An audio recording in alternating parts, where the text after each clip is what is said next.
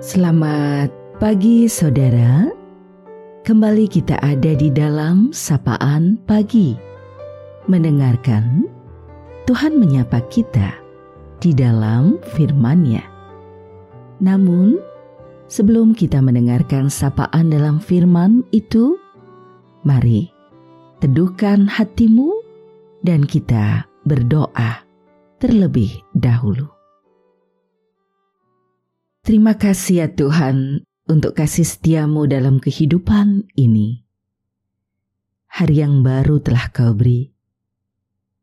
Memulainya dengan terus belajar, berserah kepadamu juga. Kami nak mendengar engkau dalam firmanmu. Mampukan kami mendengarkan, merasakan, untuk memahami dan kemudian belajar melakukannya di dalam kehidupan. Amin. Saudaraku yang terkasih di dalam Tuhan Yesus Kristus, sapaan dalam firman-Nya akan kita terima melalui bagian Injil Yohanes pada pasalnya yang ke 12 di ayat 24. Aku berkata kepadamu, sesungguhnya jikalau biji gandum tidak jatuh ke dalam tanah dan mati, ia tetap satu biji saja. Tetapi jika ia mati, ia akan menghasilkan banyak buah.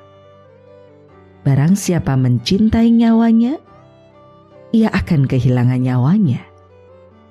Tetapi barang siapa tidak mencintai nyawanya di dunia ini, ia akan memeliharanya untuk hidup yang kekal.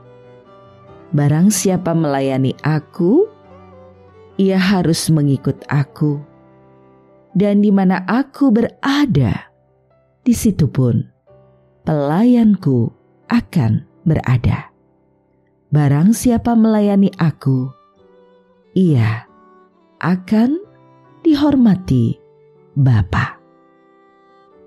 Kita akan refleksikan dalam tema bukan untuk diri sendiri. Saudaraku, bukan untuk diri sendiri adalah kata lain dari berkorban. Dan saat ini kita akan menerima pengajarannya tentang makna sebuah pengorbanan. Pengorbanan adalah wujud nyata dari ungkapan cinta tulus kepada orang yang dikasihinya dan Tuhan yang disembahnya.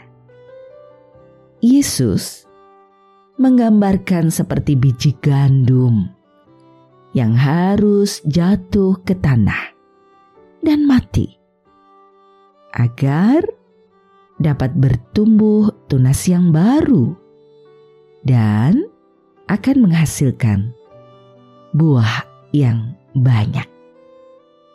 Inilah prasyarat utamanya. Rela mati agar dapat menghasilkan pertumbuhan yang lebih berlimpah, bukan untuk diri sendiri, tetapi untuk orang lain. Itu sebabnya penderitaan, sengsara salib, dan wafat Tuhan merupakan bentuk pengorbanan diri paripurna yang menghasilkan keselamatan dan hidup baru bagi manusia. Saudara, semangat berkorban. Iya, semangat berkorban adalah ciri hidup Yesus, dan hendaknya ini menjadi ciri hidup para milik kepunyaannya.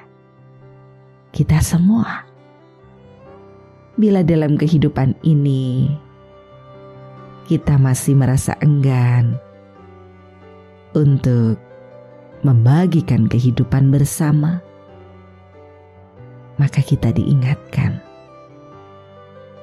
berjuang, memulai, memiliki semangat, pengorbanan demi keselamatan dan kebahagiaan yang kekal.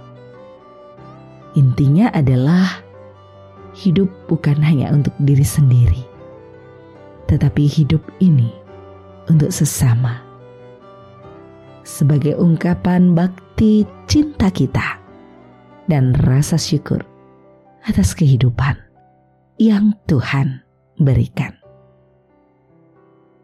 Tuhan merengkuh kita dengan segala cinta dan kasihnya.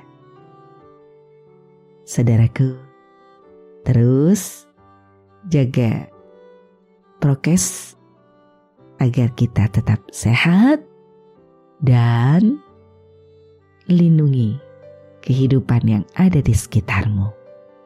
Salam sehat, bahagia, dan belajarlah terus menjadi pribadi yang berguna. Kita akan mengakhiri sapaan pada saat ini dan mari kita berdoa bersama. Engkau Tuhan sumber kehidupan kami. Terima kasih untuk segala hal yang telah kau beri. Engkau yang mencipta semesta dengan penuh cinta kasih. Mengajarkan agar menghidupi kehidupan ini juga dengan cinta dan kasih. Belajar membagi dan memberi diri di antara kesadaran akan kerapuhan. Betapa kami masih hanya sering memikirkan kehidupan bagi diri kami saja. Dalam kondisi pandemik ini kami belajar banyak untuk mengarahkan hidup di dalam terang cinta dan kasihmu. Belajar menghayati setiap hal yang kau beri adalah karena cintamu yang besar. Engkau rela hadir bagi kami, dan kami pun engkau panggil untuk hadir bagi kehidupan sesama. Kami berserah kepadamu untuk banyak hal yang terjadi di masa ini. Keprihatinan dalam penderitaan karena sakit, karena pergumulan hidup yang berat oleh karena situasi ini. Namun kami sungguh tetap belajar bersyukur karena engkau tak pernah meninggalkan kehidupan kami.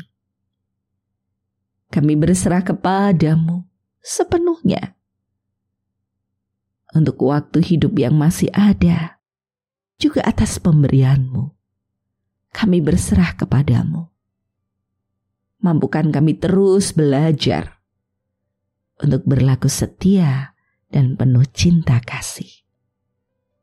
Kami berserah hanya di dalam Engkau, Tuhan Yesus Kristus, sumber kehidupan dan pertolongan kami yang sejati.